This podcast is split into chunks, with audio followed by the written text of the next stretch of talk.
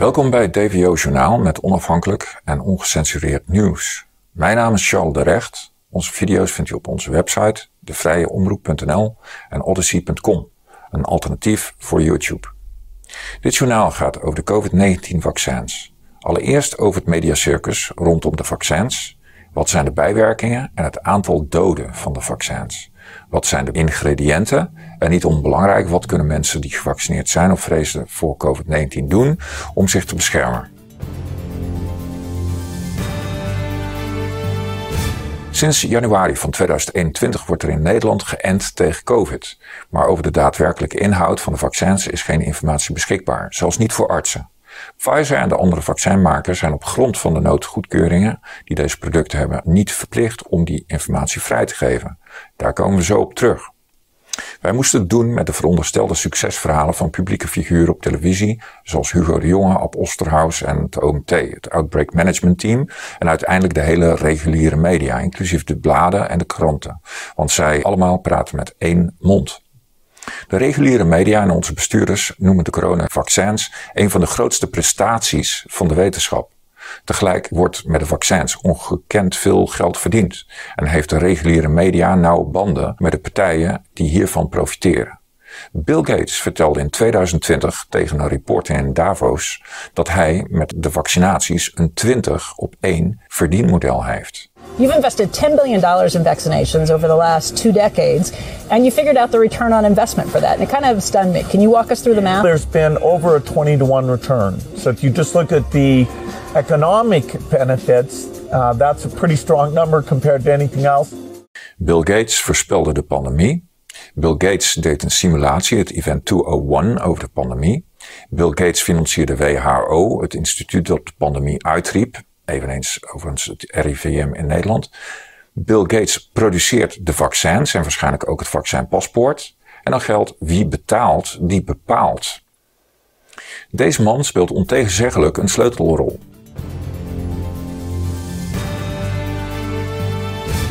Nu in de reguliere media wordt ieder tegengeluid voortdurend afgedaan als fake news en wordt ieder mainstream platform ontzegd. Journalisten die kritisch schrijven worden ontslagen. Zorgpersoneel en artsen die zich uitspreken worden ontslagen of raken een licentie kwijt. Kritische artikelen worden online verwijderd. Social media posts van mensen die bijvoorbeeld hun bijwerkingen laten zien worden gewist. Video's van artsen die zich kritisch uitspreken worden van alle bekende platforms gewist en zelfs gedemoniseerd.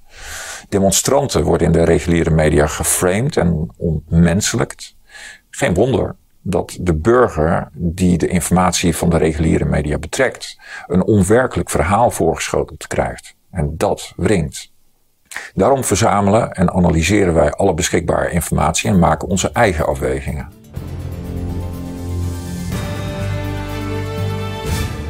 De noodzakelijke onderzoeken voor de vaccins bevinden zich nog heel lang in een experimentele fase. Hier komen we nog op terug. Maar dit betekent dat wie zich laat vaccineren meedoet aan een medisch experiment. Het vaccin zou beschermen tegen COVID, maar dat is net weer bijgesteld naar dat je minder ziek wordt van het virus. Alleen de werking van de vaccins is nooit werkelijk aangetoond, evenals de veiligheid hiervan. Niets van de cijfers en de onderzoeken zijn transparant. Het RIVM goochelt een maand of twee na dato met alle gepubliceerde cijfers las men dat bijvoorbeeld in Utrecht een aantal mensen in het ziekenhuis lagen met COVID en kijkt men een maand later op diezelfde plaats en in hetzelfde tijdvak opnieuw, dan is het aantal soms wel verdubbeld of verdriedubbeld. Op die manier zijn cijfers niets waard en maken we afwegingen zonder vaste bodem.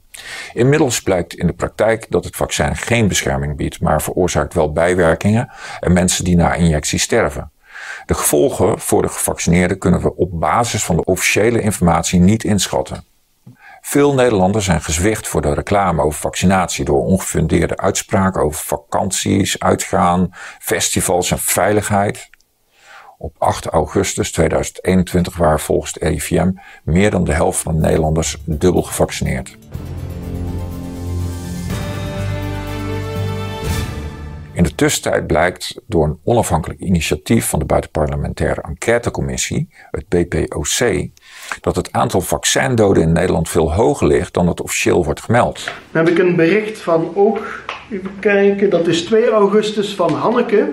Goedenavond, op 3 maart jongsleden is mijn moeder vier dagen na de tweede vaccinatie op een vreselijke manier overleden. Ze heeft een zware hersenbloeding en heeft 30 uur een doodstrijd gevoerd. Ik hoop dat u dit meeneemt in uw onderzoek. Dan heb ik hier een oude bericht van juli 21, dus 21 juli jongsleden van Herald. Beste heer mevrouw, ik heb even getwijfeld en gedacht, maar wil nu toch twee keer een sterk vermoeden van overlijden door coronavaccinatie melden. Het gaat om mijn beide ouders, welke binnen afzienbare tijd na de vaccinatie en helaas ook kort na elkaar zijn overleden. Dan heb ik hier een bericht van 13 juli van Brenda. Goedendag. Bij deze wil ik graag melden dat mijn vader op 7 juni 2021 is overleden.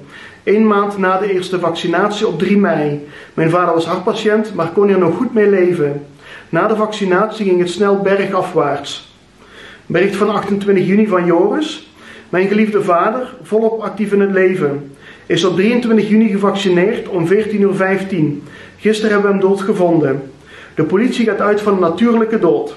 Ik laat nu obductie doen. Het is uiterst opmerkelijk te noemen dat mijn vader, die gezond is, komt overlijden na een vaccinatie.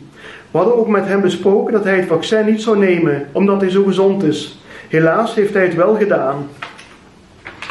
Ja goed, het is eigenlijk een kleine greep van, uh, of kleine greep uit de vele berichten die wij ontvangen. Inmiddels zijn er ongeveer een 1184 berichten alleen al over overlijdens binnengekomen. Dat is, nou ja, toch ongeveer uh, ruim het dubbele van wat er officieel wordt gemeld via bijwerkingscentrum met LAREP.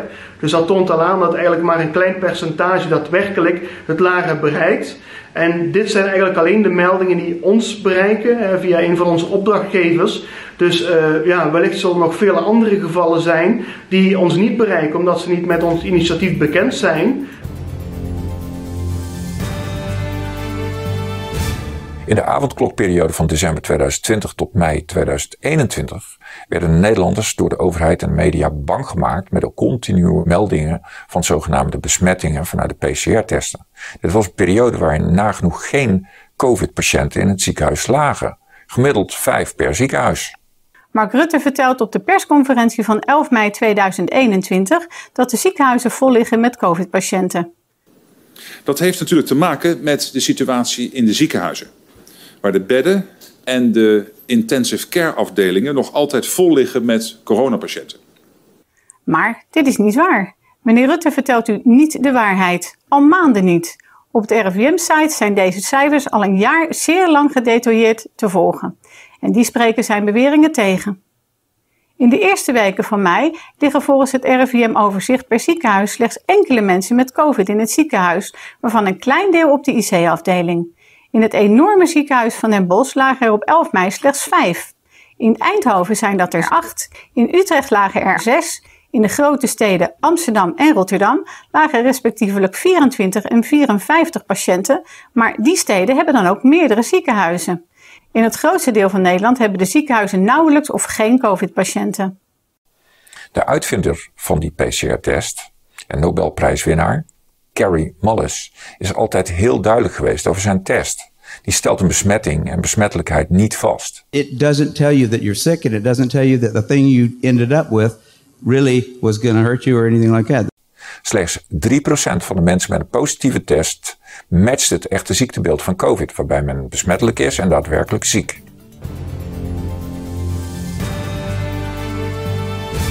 Er is op dit moment heel veel te doen over het bericht dat de FDA, de Food and Drug Administration, die gaat over de goedkeuring van medicijnen in Amerika, het Pfizer-vaccin heeft goedgekeurd. Het gaat hier volgens Robert Malone, de uitvinder van de mRNA-technologie, een bestanddeel van het huidige vaccin, niet om het huidige vaccin, maar om een mogelijke variant van het vaccin dat op dit moment niet op de markt is. So the the little trick that they've done here is they have issued two separate letters for two separate vaccines. The Pfizer vaccine, which is what is currently available, is still under emergency use authorization and it still has the liability shield. Volgens hem heeft de FDA een volledige goedkeuring gegeven voor dit nieuwe Pfizer-product. Het huidige vaccin van Pfizer, dat nu wordt geïnjecteerd, heeft enkel maar een verlenging van die noodtoestemming gekregen. De noodtoestemming is wel uitgebreid, zodat kinderen vanaf 12 jaar en ouder met het product geïnjecteerd mogen worden. Let wel, voor noodgoedkeuring kan toediening nimmer afgedwongen worden. De zogenaamde goedkeuring hoeft dus niet te gelden voor het bestaande vaccin. Hiermee wordt het publiek dan ook een rat voor de ogen gedraaid door ze te laten denken dat het huidige Pfizer-vaccin goedgekeurd is en dus veilig is. De meningen over deze goedkeuring zijn dus verdeeld. In dit geval heeft de vaccinindustrie de FDA in de tang, maar er speelt nog een andere mogelijkheid, waarbij de FDA de tactiek gebruikt om zich juist van de houtgreep van de vaccin Big Pharma te ontdoen en die te ontmaskeren. Want een volledige FDA-goedkeuring heeft ook andere spelregels dan een noodgoedkeuring. Karen Kingston, ze werkte voor Pfizer als topexpert op het gebied van chemische producten, ingrediënten en bijlagers, vertelt dat het Pfizer COVID-vaccin wel degelijk een volledige BLA-goedkeuring van de FDA heeft gekregen. Kunt deze ook van onze site downloaden. You're a former Big Pharma employee, you're a biotech analyst, you're not a doctor, you're an expert in that regard. Are they approved or not? They're 100% unequivocally approved. The Pfizer BioNTech BNT 162b um, coronavirus or COVID 19 vaccine has been approved as of August 23rd, 2021, uh, per letter from the FDA to Amit Patel at Pfizer. Um, I have the letter right here. This is a standard FDA uh, authorization letter. What's in these vaccines is going to be known um, in the next two weeks at the latest the product was not confirmed. That CGMP was not followed. Um, there was not checked. They did not check in the quality of the vials, the consistency of the ingredients of the vials, the expiration dates of the vials. We know that those are continually been extended. Um, those safety protocols that were put in place were thrown out the window. So if Pfizer has not been honest with the American people and with the FDA um, in regards to what's in these uh, vials, they have 14 days to come clean. One of the things is what you said, the VAERS database. How do you explain the diversity in adverse events? How do you explain young children getting severe heart inflammation resulting in, um, you know, potential sequelae of disease for them to have decades taken off their life or immediately suffering from congestive heart failure to pregnant women um, while they're breastfeeding their, their newborn babies, having the babies die from thrombocytopenia um, and, and thrombosis. This doesn't make any sense. Um, and then how do you have other people who are injected and they have absolutely no side effects? How do you have people who are injected have dead arm and then in 24 hours, all of a sudden they're, they're putting magnets on their bodies? Uh, the diversity of these adverse adverse events are not consistent with a consistent product. This approval essentially is checkmate for Pfizer, for this injection, for these shots in general. De pharma heeft tot nu geprofiteerd van de status van een noodgoedkeuring. Ze waren niet verplicht om hun ingrediënten bekend te maken. Pfizer moet de ingrediënten dus binnen twee weken officieel bekendmaken. Met als hoofdingrediënt het giftige grafeenoxide, maar daar komen we op terug. Met de ingrediëntenlijst in de hand kan ieder individu naar een werkgever of school of instituut stappen die vaccinatie verplicht wil stellen en uitleggen dat men weigert om zichzelf te vergiftigen. Dit gaat de vaccinatietrein wereldwijd stoppen. Het gaat de schuldigen veroordelen en alle landen bevrijden uit de strop waar we in zitten.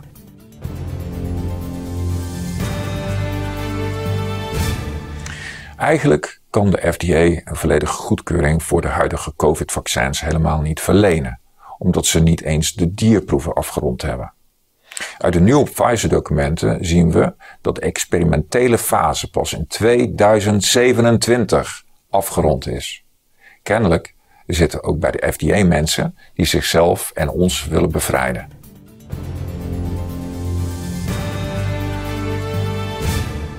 Wie nog gelooft in de werking van COVID-vaccins? mRNA-dierproeven zijn wel gedaan tussen 2000 en 2015 in een zoektocht naar medicijnen tegen verschillende coronavirussen. Hierbij gingen tijdens de dierproeven alle dieren dood.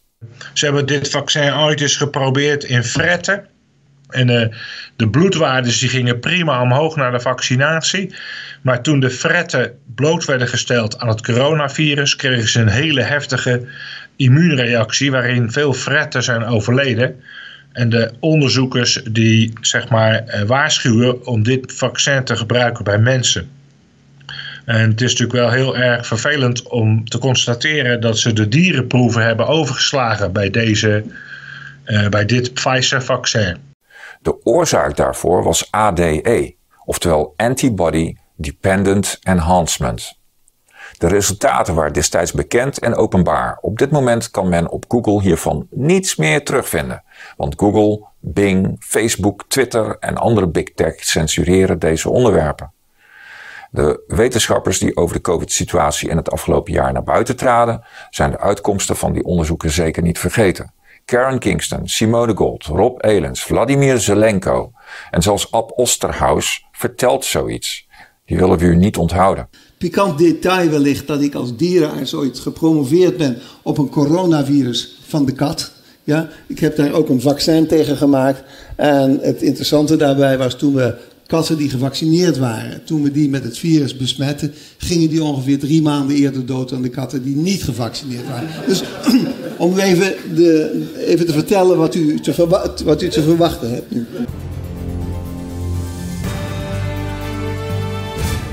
Wie ziek wordt als gevolg van of overlijdt aan de gevolgen van een medisch experiment, krijgt in verschillende gevallen geen compensatie. Dit komt doordat verzekeraars en zorgverzekeraars geen schade vergoeden van niet goedgekeurde vaccins. Er is dus een kans dat zelfs ziektekostenvergoedingen ontzegd worden. Want het meedoen aan een medisch experiment valt buiten de dekking van de meeste zorgverzekeraars. Nou, hoe het zit, stel je voor, u gaat uh, vaccineren en u krijgt een hersenbloeding. Mm Dan kunnen zij nooit bewijzen, want zo is het nu, ze kunnen niet bewijzen dat het van, van, de, van, de, van de vaccinatie afkomt. Mm Dus wat gebeurt, u komt in het ziekenhuis terecht, u krijgt dus ziekenhuiskosten. Die kosten worden gewoon vergoed uh, uit de basisverzekering, zoals mm altijd. Ook al heeft u geen vaccin, en dan wordt verrekend met uw eigen risico. Mm Dat is hoe het dan uitziet. Ja, oké, okay, maar... Dat is wel vergoed uit de basisverzekering, hè, mm alle medisch specialistische zorg. Maar dan wel met, uh, met eigen risico wat u moet betalen. Ja, oké. Dat is het. Ja. Oké, okay, maar want het, het, vaccin is nog steeds een medisch experiment, toch? Ja, ja, dat is ook de reden waarom ik het niet doe.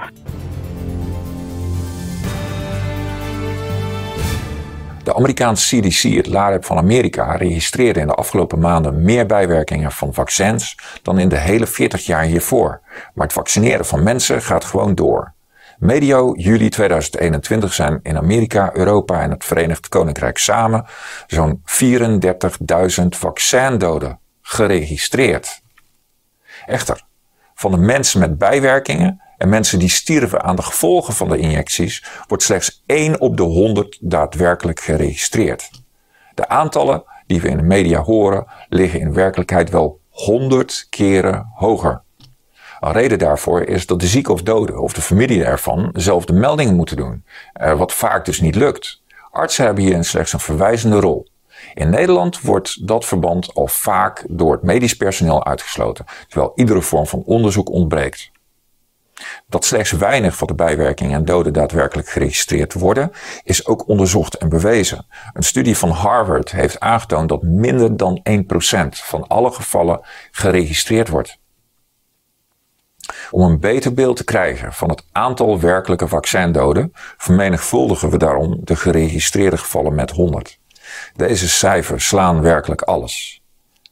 In juli 2021 hebben we voor Europa, Amerika en het Verenigd Koninkrijk samen 3,4 miljoen vaccindoden.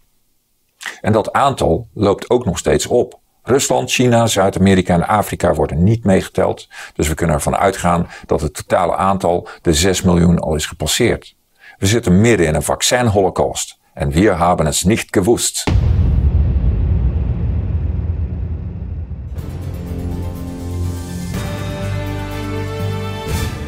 Er is door ontzettend veel artsen en wetenschappers gewaarschuwd dat deze situatie zou ontstaan. Hoewel de bewijzen zich enorm opstapelden, wordt in de mainstream media geen podium gegeven aan de slachtoffers in de samenhang met bijwerkingen van de COVID-vaccins. Naast de vaccindoden zijn er ook de bijwerkingen van het vaccin. Ruim 500 miljoen mensen hebben last van de toegediende vaccins. De klachten zijn heel divers. Mensen die volledig verlamd raken, blind worden, die lijst is heel lang.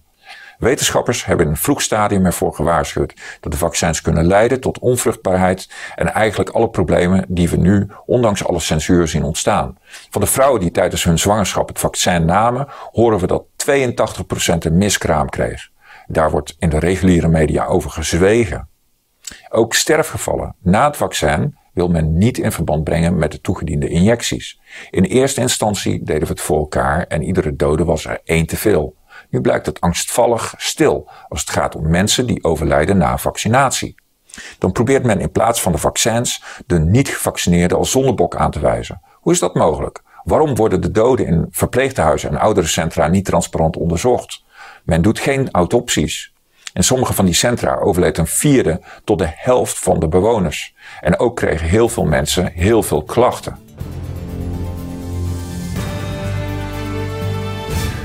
In juli van 2021 is door wetenschappers in Spanje blootgelegd wat de inhoud van de vaccins is. Honderden doses van de vaccins zijn in een uitgebreid universitair laboratorium onderzocht.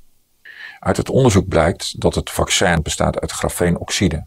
Dat is een nanomateriaal. Nanomaterialen zijn chemische stoffen of materialen die wel 10.000 keer kleiner zijn dan de dikte van een mensenhaar. Dit nanomateriaal wordt gebruikt in onder andere de verfindustrie om lakken waterafstotend te maken. Het reageert ook op straling en heeft magnetische kwaliteiten. Tests met dieren hebben aangetoond dat het materiaal zich door het hele lichaam kan verspreiden en dan zelfs in de hersenen doordringt. Het materiaal is uiterst giftig en veroorzaakt diverse bijwerkingen, zoals hartproblemen, immuunsysteem, falen, bloedklonters en magnetische eigenschappen. In Amerika is bijna 40% van de gevaccineerden op één of meerdere plekken magnetisch. En uiteraard gaan veel mensen aan de gevolgen van een verminderde weerstand dood. De bloedklonters, ofwel trombose die men kan krijgen, zijn mede de oorzaak. Die bloedklonters veroorzaken hersenbloedingen en hartfalen, want als een bloedklonter in het hart terechtkomt, loopt het verkeerd af. Vlak voor de rust ging het mis. De Deense voetballer Christian Eriksen zakt plotseling in elkaar als hij een bal wil aannemen. Snel rent de medische hulp het veld op om te helpen. Veel toeschouwers op de tribunes zijn behoorlijk geschrokken van de nare situatie. Eriksen wordt naar het ziekenhuis gebracht. We hadden een af vores egne, øhm, ja, som ligger og kæmper. Øhm, og det gør, at fodbold bliver.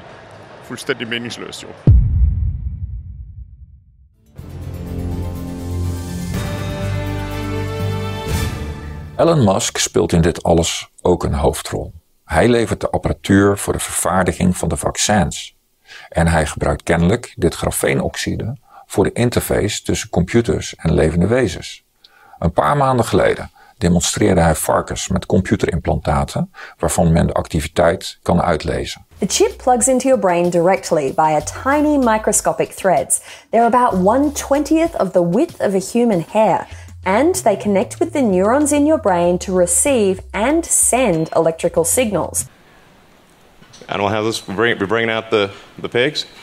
Uh, in, in, in terms of additional uh, brain reading activity, uh, when we have, um, say, um, one of our pigs on a treadmill, pig on a treadmill. um, it's a funny, funny concept, really. Als we dit zo zien, moesten we direct denken aan een stukje uit de nieuwe Disney Marvel film Black Widow.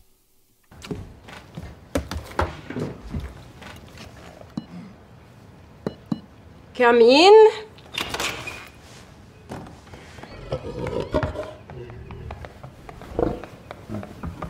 Did that pig just open the door? Yes, it did. Good boy, Alexi. Good boy. You named the pig after me? You don't see the resemblance? Hmm. See, he sits just like dog. Amazing. Now, now watch. It's a little weird, right?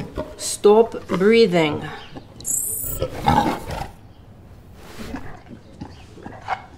We infiltrated the North Institute in Ohio. It was a front for SHIELD scientists. Actually, it was Hydra scientists at that time.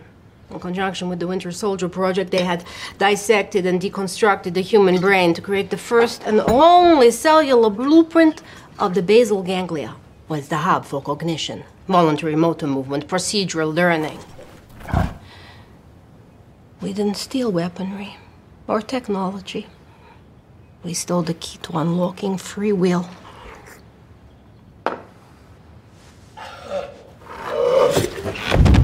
What are you doing? Oh, I am explaining that the science is now so exact. The subject can be instructed to stop breathing and has no choice but to obey. Okay, you made your point. That's enough. Yes, all right. Well, don't worry. Alexei could have survived 11 more seconds without oxygen. Good boy. Now you go back, back home where it's safe. Verder bevat het vaccin een hoeveelheid spikeproteïne waar veel mensen direct slecht op reageren, met daarin een reeds in 2003 gepatenteerde genetische mRNA-code van COVID-19 met een stuk HIV. Dat laatste is dus een stukje genetische opbouw van het ziektebeeld AIDS. Het lichaam krijgt van het mRNA in het vaccin de opdracht om deze genetische code door het hele lichaam te kopiëren. Een groot deel daarvan gebeurt in 3 tot 24 maanden, totdat die genetische code zich in iedere cel van het lichaam bevindt. Het kan dus zijn dat de gevaccineerde mensen hierdoor ook AIDS krijgen. Overigens is AIDS een auto-immuunziekte en past het precies bij die andere kenmerken die we overal zien. Zelfs kanker en de meest afschuwelijke huidaandoeningen zijn de gevolgen. We laten een stuk zien van een interview van Stu Peters met Dr. Vladimir Zelenko, genomineerd voor de Nobelprijs en als arts werkzaam voor het Witte Huis.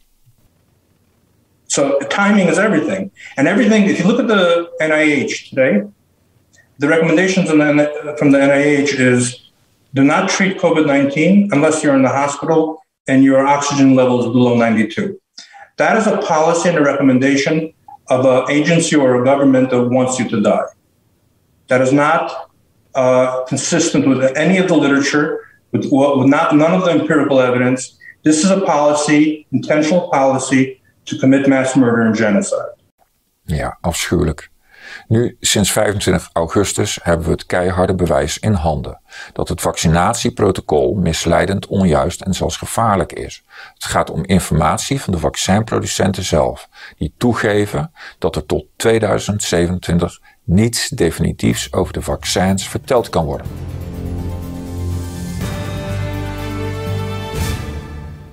Nu vragen zich mensen misschien af wat we zelf kunnen doen. Het vaccineren moet stoppen en de hele aanpak moet radicaal anders. Dokter Zelenko zegt hierover: wat erin gaat, gaat er niet meer uit. Dus voorkomen is beter dan genezen. En kennelijk kunnen degenen die willen dat we de vaccins nemen op grond van het officiële materiaal niet geïnformeerd zijn. Wie de hele video met dokter Zelenko wil bekijken, kan die terugvinden op ons Odyssey kanaal. The problem with hydroxychloroquine and ivermectin is they're being regulated and suppressed, and doctors are not giving them. Yes, those are my first choices. If a person could get them, they definitely should because they're the 50 caliber machine gun, you know, that really right. works. Yeah. However, there's a saying: you don't go to war with the army you wish you had. You go to war with the army you do have. That's right. If you cannot get the 50 caliber machine gun, I'll still use a 22 caliber pistol if I have nothing else. So when Cuomo, may he burn in hell, blocked access to my patients in April to hydroxychloroquine, and my patients was April of 2020. He, my patients started scrambling, and I was forced by necessity to innovate again. I needed to find a different model of gun. He took away hydroxychloroquine access. So, of all places, on the NIH servers, I discovered something called quercetin. That is, an, together with vitamin C, is an effective zinc delivery system. To be honest, I'd never heard of quercetin. So I Google it, and I see all of a sudden that it's over the counter. And that was one of those moments in my life, or perhaps in history, where you just lean back and, and you see, I realized what I just discovered the cure to tyranny. Because now I can tell you, Stu, go to the vitamin shop, go to the supermarket, get yourself quercetin, vitamin C, vitamin D, and zinc, prophylax yourself and or start early treatment, and you'll be okay.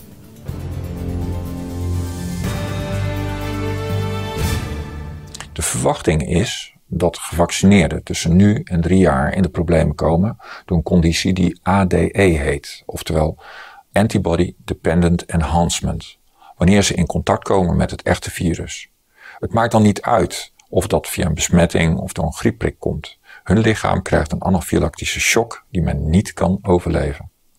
De beste kans om die anafylactische shock te ontlopen is door niet ziek te worden en zich sterk genoeg te maken zodat ze eigenlijk niet meer ziek worden.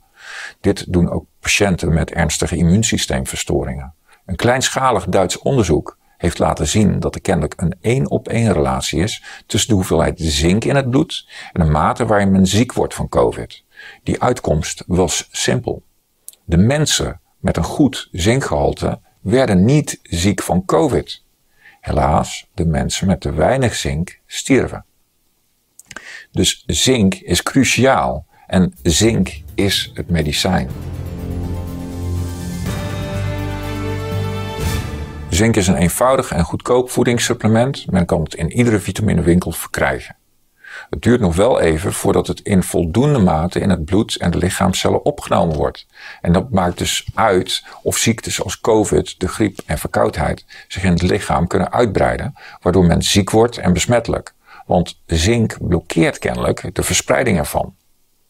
Zink heeft, zoals dokter Zelenko het vertelt, bij een besmetting ook een extra distributiesysteem nodig om het zink snel naar de benodigde lichaamcellen te transporteren. Naast twee middelen die de overheid verboden heeft, kan men quercetine gebruiken, wat gelukkig wel vrij verkrijgbaar is.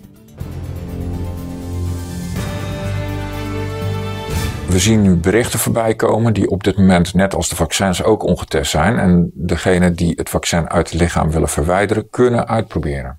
Het zou heel mooi zijn wanneer zink naast COVID ook de doorgifte van mRNA vertraagt of zelfs blokkeert. Maar daar is nu nog niets over bekend. We geven zo meteen tips die kunnen helpen om allerlei complicaties van de vaccins te verminderen. Ze deels uit het lichaam te verwijderen en het overblijvende deel de baas te blijven. Daarna geven we tips hoe men zonder de vaccins kan voorkomen dat men ziek wordt van COVID dan wel een andere griep. Onze tips voor gevaccineerden. Allereerst is het belangrijk om te weten of men met een placebo is gevaccineerd of dat men het echte vaccin kreeg. Men kan daarvoor een trombose bloedtest doen. Een D-dimer. In het Engels D-dimer. Dat kan gewoon via een huisarts. Wie gevaccineerd is, kan een aantal voorzorgen overwegen. Supplementen waarvan de hoeveelheid is afgestemd op volwassenen. De belangrijkste bescherming vinden we in goede zinksupplementen. Volwassenen nemen 1 tot 3 milligram per dag. Vitamine C van een goed merk wissel merken en hoeveelheden regelmatig af en kijk wat goed voelt. Verder vitamine D3 wissel ook die af. Wordt men ziek, neem dan direct een week lang quercetine. Dit zorgt ervoor dat zink in de cellen komt, waar het verdere uitbreiding stopt en verhoog een week lang dagelijks hoeveelheid zink naar 15 milligram per dag over uh, voeding het volgende. Blijf bij de suikers weg. Suiker en producten met suiker veroorzaken complicaties. Kies zo mogelijk biologisch eten. Vermijd dus bestrijdingsmiddelen zoals glyfosaat ofwel Roundup.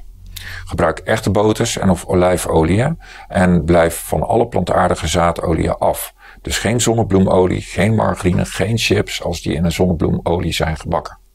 Blijf weg bij alles waar toevoegingen in zitten zoals sausjes en kant-en-klaar maaltijden. Eet genoeg groen en eet afwisselend. Pas op met straling, wifi, 3, 4, 5G, Bluetooth enzovoort. Alle magnetronstraling heeft een slechte uitwerking op de gezondheid en veroorzaakt veranderingen in de glucosespiegel, waardoor mensen diabetes krijgen en zelfs kanker. Ook het grafeenoxide, wat in het vaccin zit, wordt hierdoor op een nog onbekende manier beïnvloed. Als een soort therapie om de grafeenoxide af te breken en uit het lichaam te krijgen, worden de volgende zaken geopperd. Of die effect hebben, moet nog blijken. Je kunt het afbreken door het gebruik van de antioxidant glutathion. Glutathion zit in veel voedingsmiddelen, zoals walnoten, asperges, avocado's. En kinderen nemen deze stof maximaal op. Naarmate je ouder wordt, wordt de opname steeds minder. Om de inname te verhogen kun je gebruik maken van supplementen. De gevolgen van spikeproteïn in de vaccin zou opgegeven kunnen worden door een medicijn dat Suramin heet. Dit medicijn is al zodanig niet verkrijgbaar, dus men kan het zelf maken door het koken van een specifieke vitamine C-rijke dennennaaldensoort. Let wel, want de meeste dennennaalden zijn giftig, dus zoek daarvoor een goede leverancier. Neem regelmatig een stoombad of sauna van 20 minuten bij een temperatuur van 77 graden Celsius of hoger. Ook dit helpt om het spikeproteïne en de grafeenoxide uit het lichaam af te voeren. Extra informatie. Grafeenoxide zit in PCR-tests, mondkapjes en vaccins en is nergens op welke bijsluiter ook terug te vinden. Dan hebben we tips tegen COVID. De tips voor ongevaccineerden om COVID te ontlopen zijn een stuk korter. Zorg voor voldoende zink en zoek uit hoeveel dat is. Er is wel degelijk ook een bovengrens waar het middel gevaarlijk wordt. Dat is per persoon en gewicht verschillend. Als men toch ziek wordt, kan men hetzelfde doen als die aanbevelingen voor de gevaccineerde groep. En iedereen mag evenwel goed oppassen voor straling. Zie evenwel ook ons programma over 4 en 5G. Heeft u vragen? Stel die dan gerust in onze Telegram groep. De COVID-crisis is een onuitputtelijk onderwerp. Spreekt onze informatie u aan? Volg ons dan via onze website en onze vertakking al daar. De Vrije Omroep en het DVO-journaal kunnen uw hulp goed gebruiken. U kunt ons op verschillende manieren steunen. Ga daarvoor naar onze website devrijeomroep.nl en klik op meedoen. Abonneer u op ons Telegram kanaal voor de meest actuele informatie en steun ons financieel. We zijn voor de vervaardiging van onze programma's en journalistieke activiteiten van giften afhankelijk. Voor nu bedankt voor het kijken en heel graag tot de volgende keer bij de Vrije Omroep, de omroep voor meer inzicht en betere informatie.